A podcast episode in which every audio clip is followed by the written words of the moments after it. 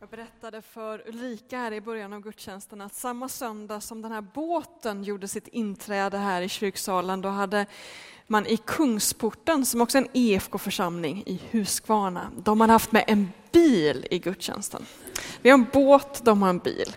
Men då hade predikanten suttit i den bilen eh, och haft sin predikan och det hade varit uppmärksammats på lokalnyheterna och i dagen. Och Ulrika sa till mig att du får sitta i båten om du vill. Men då måste du ta på dig flytfästen. Ja, jag hoppar det. Ove nämnde om grundkursen i kollekttalet. Temat idag är ju anden ger mig blick för att Jesus finns på riktigt. Vi har ju kört Alfa här i många år. Alfa en grundkurs i kristen tro som, som finns lite över hela världen och framförallt i Europa. Men vi kände att kunskapen om kristen tro har försämrats, försämrats ganska kraftigt i det här landet. Och därför har alfakursen blivit för svår. Den kursplanen är, man började arbeta med den eh, i slutet av 70-talet och lanserade den lite på 80-talet, så det är en gammal kurs.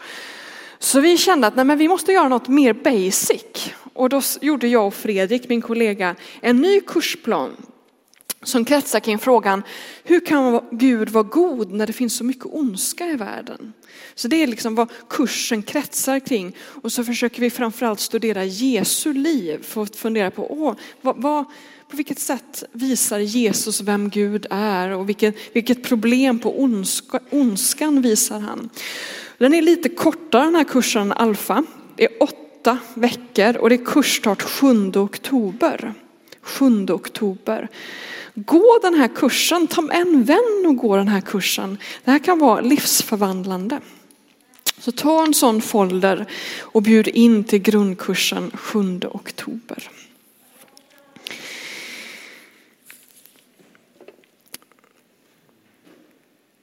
Jag sitter ofta och jobbar hemma, speciellt när jag jobbar med predikningar. Då sitter jag ofta hemma i min lägenhet och då händer det ibland att Jehovas vittnen ringer på hemma hos mig.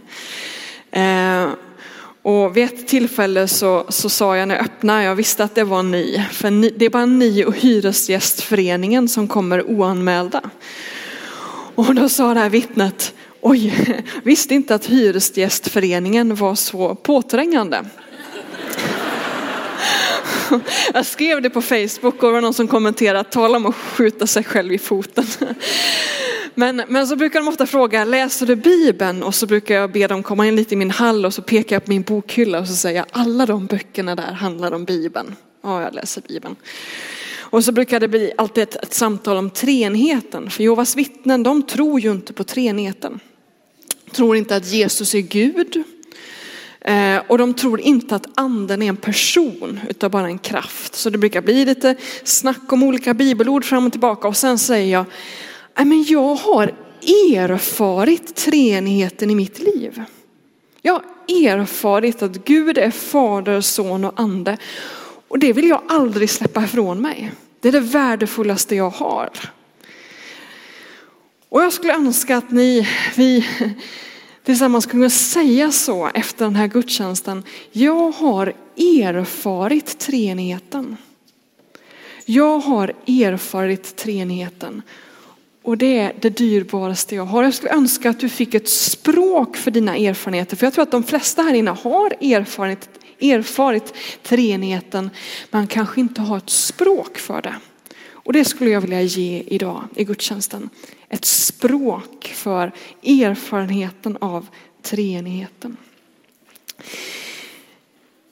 Gud eller treenigheten kan man ju inte avbilda. Eh, Vet ju inte hur Gud ser ut. Därför går det inte att avbilda honom. Och det finns också ett bildförbud i gamla testamentet. Det ingår i de här tio budorden att man inte får avbilda Gud. För alla bilder vi använder liksom faller platt i marken. De, de, de, de funkar inte, de kan inte, de, bilderna i sig är en brist. Så att ha en bild på Gud är liksom som en lögn. Så därför får vi inte avbilda Gud, för det finns ingen bild som kan omfamna honom. Men i kyrkor kan man ibland hitta den här bilden på treenigheten. Om vi släcker ner lite på scenen här kanske vi kan få den lite starkare. Jag vet inte, ni kanske ser den väl. Det är tre änglar som sitter runt ett bord. Känner ni igen den? Det här är ett bibliskt motiv. Det är hur Gud uppenbarade sig i första Mosebok kapitel 18. En del av er kan få koll vad som står där. Det, är, det, står, det kapitlet inleds med versen i Mamres lund uppenbarade sig Gud för Abraham. Och Gud uppenbarade sig i skepnaden av tre män som kom på besök till Abraham och Sara och berättade att de skulle få ett barn, Isak. Så Gud uppenbarade sig i skepnaden av tre män. Och då har man använt den här bilden av de här tre männen eller de här tre änglarna som kom på besök till Abraham för att påminna oss om att Gud är treenig. Det här motivet uppstod i Ryssland för första gången på 1400-talet och sen har man liksom kopierat den bilden flera gånger. Så det här är ett vanligt motiv i vissa kyrkor. I mitten finns en kalk. Och ibland är det en kalv som ligger i den här kalken och ibland ett lamm och ibland ett människoansikte. Man är lite oense om vem som är vem i den här bilden, vem som är fadern och vem som är sonen. Men det som den här bilden vittnar om att treenigheten sitter runt den här kalken och funderar på vem av dem som ska bli människa. Vem av dem som ska stiga ner till jorden och bli synlig och bli ett offerlamm som bär bort världens synder. Så de tittar på den här kalken och funderar och samtalar om vem som ska bli människa. Och det blir sonen som blir människa, som sänds ner till världen, blir människa i Marias livmoder och föds. Och blir en, en verklig människa, en verklig person. Och därmed går ju Gud att avbilda. Gud har fått ett porträtt, Gud har fått ett ansikte. Och det har gjort att kristna har valt att avbilda Gud genom att måla bilder av Jesus. Ska vi titta på nästa bild? Vi vet ju inte hur Jesus såg ut. Det var liksom, kameran var inte uppfunnen då, så vi vet inte hur Jesus såg ut. Eh, det här är en av de äldsta bilderna vi har av Jesus. Eh, och den är från 500-talet. Under de första hundra åren i kyrkans historia så bråkade man rätt mycket om det här, om det var okej att avbilda Jesus eller inte, utifrån det här bildförbudet som fanns i gamla testamentet. Men man kom fram till det att eftersom Gud ändå blivit människa, blivit en bild, så är det okej att kopiera den bilden men med medvetenhet om att vi inte vet hur han ser ut. Där finns, det en mängd olika bilder och porträtt av Jesus, även om det här har liksom blivit en förlaga för många bilder. Eh, men den här bilden kan ändå hjälpa oss att börja fantisera om att, eller inte, den kan hjälpa oss att förstå att Gud verkligen finns på riktigt. Han syns, han har ett ansikte, han har händer, han har fötter. Så även vi vet att men, det var kanske inte så här han såg ut, men han skulle kunna ha sett ut så här. Gud har fått ett ansikte. Frågan är bara då, hur, hur, kan, hur kan denna Jesus bli verklig för oss? Vi kan se de här bilderna, vi kan läsa evangelierna, man kan titta på sådana här Jesusfilmer som vi gör mycket i grundkursen. Men hur går Jesus för att bli en, en bild på ett papper eller en skådespelare, en film eller en gestalt i ordet? Hur kan han bli verklig för oss? Hur kan Jesus bli verklig för oss? Och svaret är genom anden. Det är genom den helige ande som den här personen blir en verklig person för oss. Och jag ska försöka berätta om hur i den här predikan. Här är ytterligare en bild på hur, en bild på treenigheten. Det här föreställer Jesu dop. Då var hela treenigheten involverad. Det är Johannes döparen där vid sidan. Det är Jesus som stiger upp ur vattnet och så duvan där som kommer ner. Fadern är ju den upphöjde skaparen, den osynliga guden från vilket allting utgår. Han är skaparen, han är den källan till allt liv. Men denna fader är ju osynlig eh, och upphöjd och ingen kan se honom och leva, säger Gud till Mose. Men fadern har sträckt ner sina två armar, så uttrycker en tidig teolog i kyrkans historia. Och den ena armen är Jesus, sonen som blir människa. Och den andra armen är anden.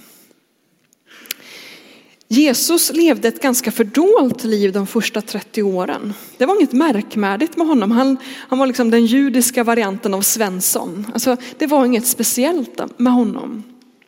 Eh, några personer vid hans födelse uppmärksammar att det, att det är något speciellt med Jesus, men sen så, så är det tyst. Fram till den här dagen då Jesus döps av Johannes. För när han stiger upp ur vattnet, då hör, hör man en röst från himlen. Det är fadern som talar och säger, detta är min älskade son, han är min utvalde. Och samtidigt som den här rösten hörs så öppnas himlen och anden kommer ner över Jesus i skepnaden av en duva. Så det vi ser här, hur Fadern som är källan till allt, han är liksom ovanför bilden och han sänder ner sonen, han sänder ner anden. Och för Johannes döparen så blev det här viktigt. Han hade fått ett tecken om att den som du ser anden komma ner över och förbli över den personen, han är Messias, han är offerlammet. Så när Johannes ser detta hur anden kommer ner över Jesus, då rekommenderar han sina lärjungar att börja följa Jesus istället. Så det som skedde här var, var att anden synliggjorde Jesus, satte strålkastaren på Jesus och visade folket att det här är Messias. Det här är Guds son. Så i den här bilden, i den här berättelsen, det som sker är att anden synliggör Jesus.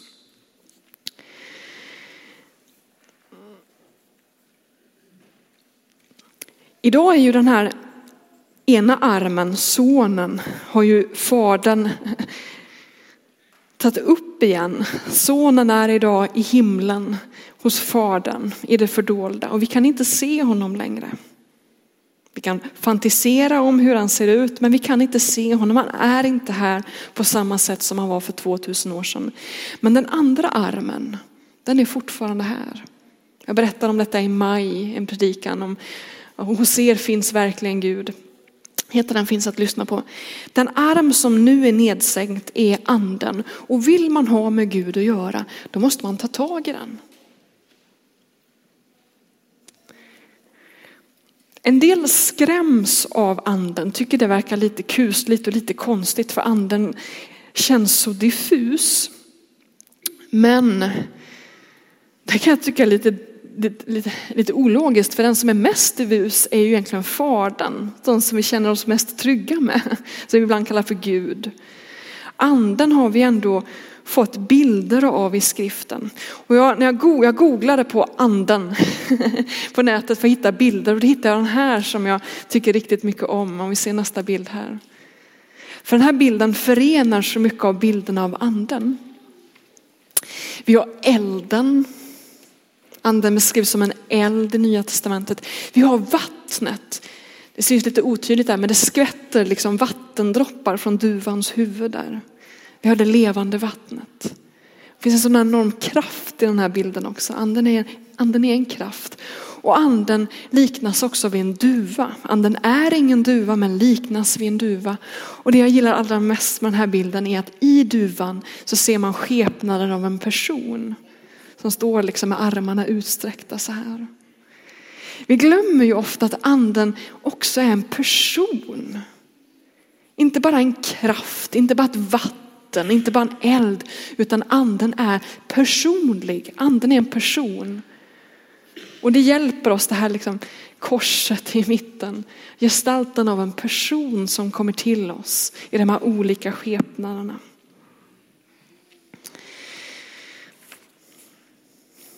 Anden har en vilja, anden kan tala, anden har till och med ett känsloliv, vittnar skriften om. Så anden är en person.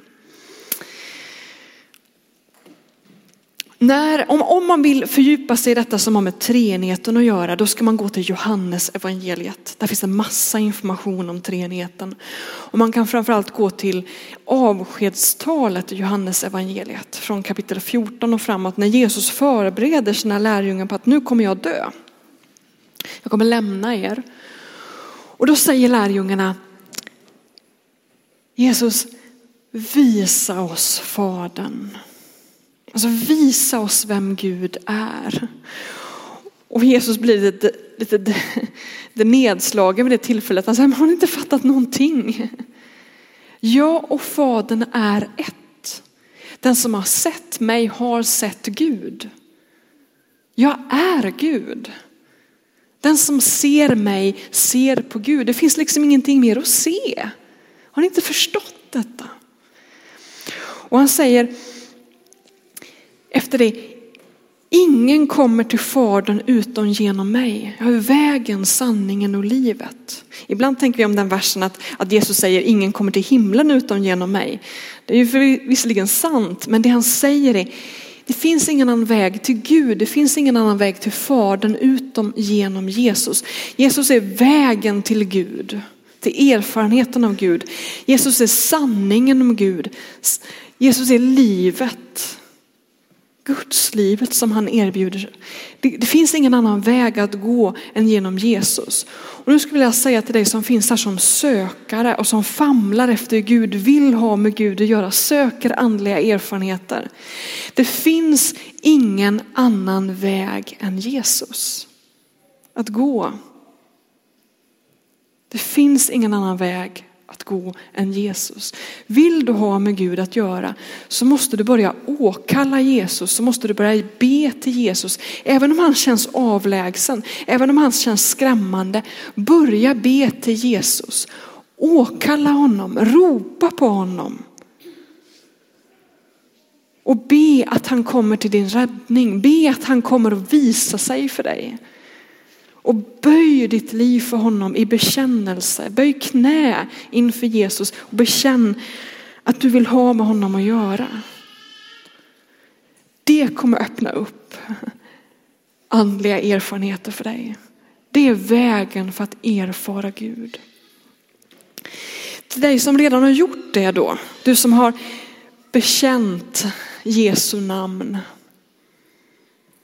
Du som kanske till och med har döpt dig men ännu känner att Gud är avlägsen.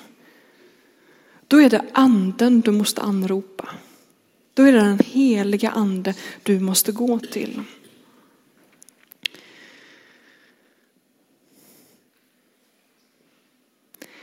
Det som Jesus också gör klart i, i avskedstalet, det är att Gud är tre och Gud är ett samtidigt. Det betyder att alla personerna i treenigheten delar samma karaktär. Alltså, alla personerna i treenigheten är lika kärleksfulla och lika stränga. Ibland får vi för oss att fadern är den stränga och Jesus är den kärleksfulla och anden är bara något konstigt. Men, men alla delar samma karaktär. Jesus är det porträtt av Gud vi har. Och anden är den hand vi har för att liksom erfara Gud. Så, så, du behöver inte vara rädd för Gud. Om du inte tycker att, att Jesus är någon person att vara rädd för, behöver du inte heller vara rädd för den heliga ande. De delar samma karaktär. De är tre och ett samtidigt. Nåväl. Vill du erfara Jesus så måste du först bekänna Jesu namn, åkalla honom, lägga ditt liv under Jesus. Men sen måste du också närma dig den heliga ande, för det är den heliga ande som synliggör Jesus och som gör Jesus verklig. Och det sker genom två sätt. Det ena sättet är att anden skapar en tillit och en tro i dig till Jesus och gör honom verklig för ditt hjärta. Jag är, precis som Sofia också uppvuxen i ett troende hem och liksom gått i söndagsskolan och ungdomsverksamheten. Och I tonåren började jag läsa Bibeln. Jag, vid det här tillfället som jag ska berätta om nu hade jag läst igenom hela Bibeln. Men jag hade väldigt svårt för Jesus. Gud kunde jag tro på. Jag älskade uppenbarelserna i gamla testamentet när Gud talade och visade sin kraft. Men jag förstod mig inte på Jesus. Tyckte han var en ganska löjlig person. Och i en, på en studieresa i Israel med ett gäng ungdomar så hade vi en andakt vid Genesarets sjö. På andra sidan, alltså den som vetter mot Syrien idag. Ehm, den här andakten och då tänkte jag att nu måste jag ta tag i detta. Så jag gick fram för förbön och berättade detta att jag har svårt för Jesus. Jag kan tro på Fadern. Men vem är Jesus? Och så fick jag förbön. Och plötsligt där och då så får jag en glimt av Jesus. Alltså det, är ingen, det, är ingen, det, är, inte så att jag ser hur han ser ut, men det är som att, att mitt hjärta plötsligt får kontakt med en verklig person. Som älskar mig och som vill ha med mig att göra. Och det är precis det anden gör. Gör Jesus verklig. Det är så fantastiskt att vi har den här gåvan med personlig förbön. Att jag liksom får komma med mitt bönämne så får någon annan be och lägga händerna på mig. Och så, så, så gör Gud någonting. Anden enligt Bibeln förmedlas genom handpåläggning och det där sker gång på gång på gång. Det som jag liksom inte kunde ta mig själv fick jag genom den här handpåläggningen. Man bad att, att anden skulle uppenbara Jesus för mig och jag fick, fick den upplevelsen. Det var liksom bara några sekunder. Men det där blev en början på en, en personlig vandring med Jesus. Och sedan dess har jag liksom regelbundet försökt ta tid för att för bön och för bibelläsning och det jag söker är att få ytterligare glimtar. Att det jag läser om evangelierna ska bli verkligt för mig. Det är därför jag så ofta åker iväg på retreat. Åker iväg ut i tystnaden för att få tid att lyssna. Liksom. Det anden vill ge mig. De bilder och visioner av Jesus som anden vill ge mig. Och det här med bön, det går ju upp och ner. Det måste man, så är det ju. Det är så lätt att tappa bort bönen i, i vår liksom, värld av brus. Varje här i somras så lyssnade jag på en predikan som handlade just om anden som person. Jag lyssnade på den via nätet hemma i min lägenhet. Och där predikanten uppmuntrade just till det att, att samtala med anden. Samtala med anden, vänd dig till anden som person. Och jag kom på mig själv att nej men, det där personliga samtalet var det ju länge sedan jag hade. Jag ber varje dag genom salta jag ber Herrens bön, jag, jag ber för den här församlingen. Men jag känner att det här personliga samtalet hade jag tappat bort under en tid. Eller någon. Så jag gick en promenad eh, på stan och så, så talade jag till anden. Bad om förlåtelse för att jag inte hade gjort det på ett bra tag, haft det där personliga samtalet.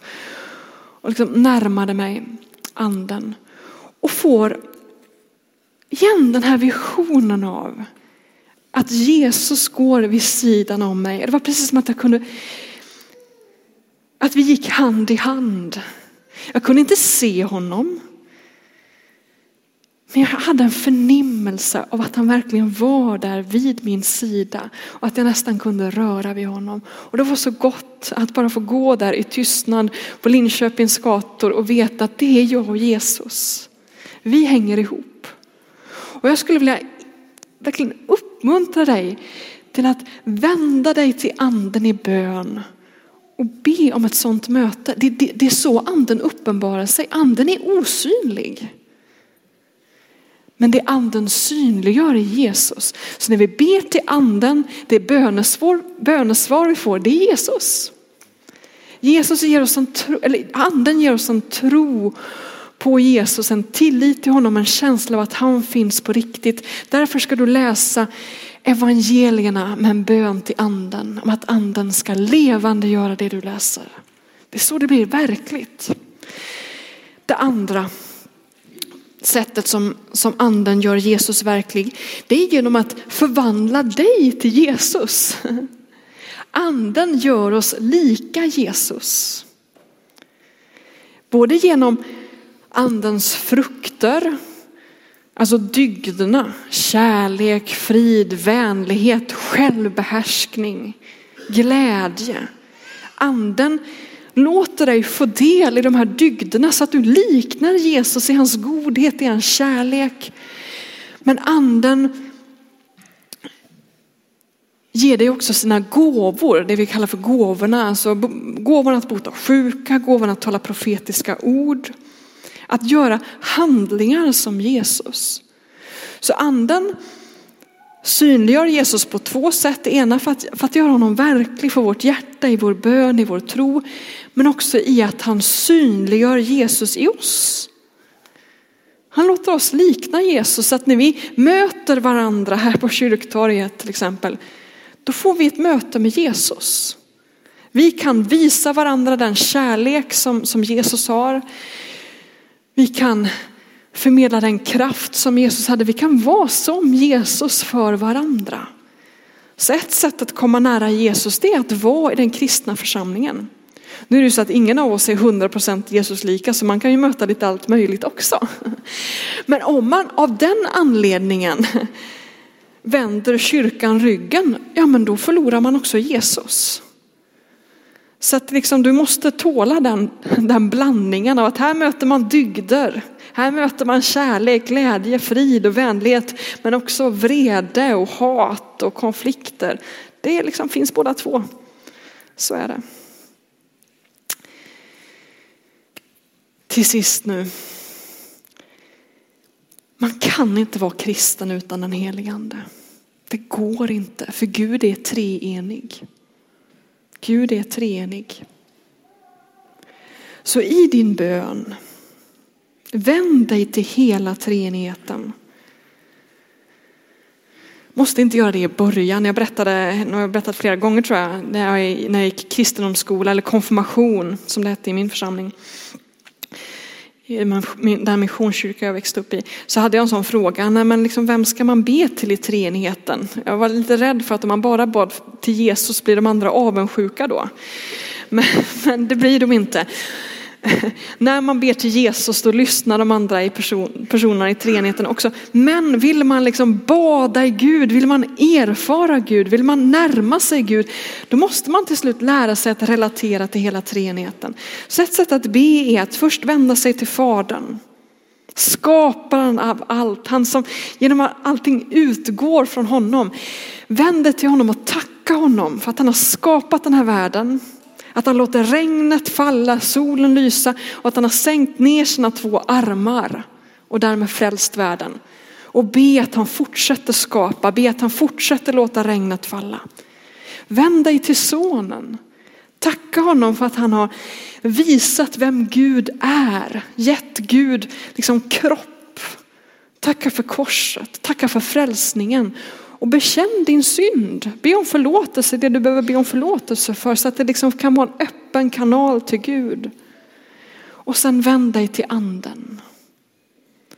Och be att tron blir verklig för dig. Att du får, får lära känna Gud mera. Att, att du blir förvandlad till Jesu likhet och att anden verkar i världen. Vänd dig till hela treenigheten.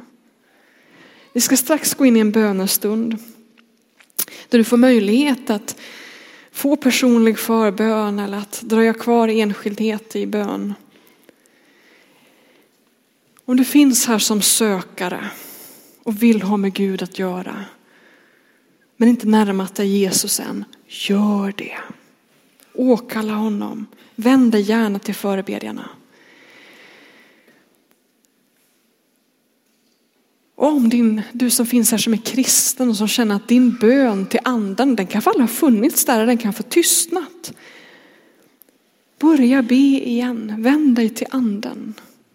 Reducera inte bara anden till liksom profetiska tilltal och tungotal, det gör han också. Men anden är så mycket mer. Hans huvuduppdrag är att synliggöra Jesus. Gör inte anden bedrövad i att, att liksom reducera honom till bara det här. Inbjud anden till att synliggöra Jesus för dig. Kanske har du blivit besviken på anden för du tycker att nej men han, det där hände inte som du längtat efter. Det där tungotalet kom inte och jag började inte skaka. Och det, hände, det där, alltså, anden har en mängd olika gåvor. Han har så mycket att ge. Bara för att du inte sker på det sättet så som stäng inte den kanalen. Bedröva inte anden på det sättet. Utan låt anden få göra det anden vill göra i ditt liv. Ibland märker vi vad han gör, ibland tar det tid. En av andens gåvor är ju självbehärskning. Självbehärskning kan man bara lära sig i öknen. Tålamod kan man också bara lära sig i öknen. Det är också en av andens frukter. Ibland leder anden oss genom öknar. Så är det. Men till sist kommer man fram till den här fantastiska oasen och då är allt värt det. Så fortsätt att be. Du kommer när du tittar i backspegeln se att anden har gjort en massa saker i ditt liv. Som kanske din liksom stress av att det ska hända nu och på det här sättet liksom hindrar dig från att se. Efter Jesu himmelsfärd så var församlingen i bön i tio dagar, ett tio dagar långt bönemöte. Och sen kom anden. På ett väldigt kraftfullt sätt. Det tar tid och vi måste ge anden den tiden. Nu ska teamet här sjunga en sång för oss. Och så får vi lyssna till orden. Det är en sång skriven av Lina Sandell. En sån sång kan man bara skriva om man har kontakt med anden. Det är anden som låter det här vittnesbördet spira fram. Det här är en sång som är en frukt av andens verksamhet och liv i Elina Sandell. Och efter sången så ska jag bjuda in till de här förbönstationerna.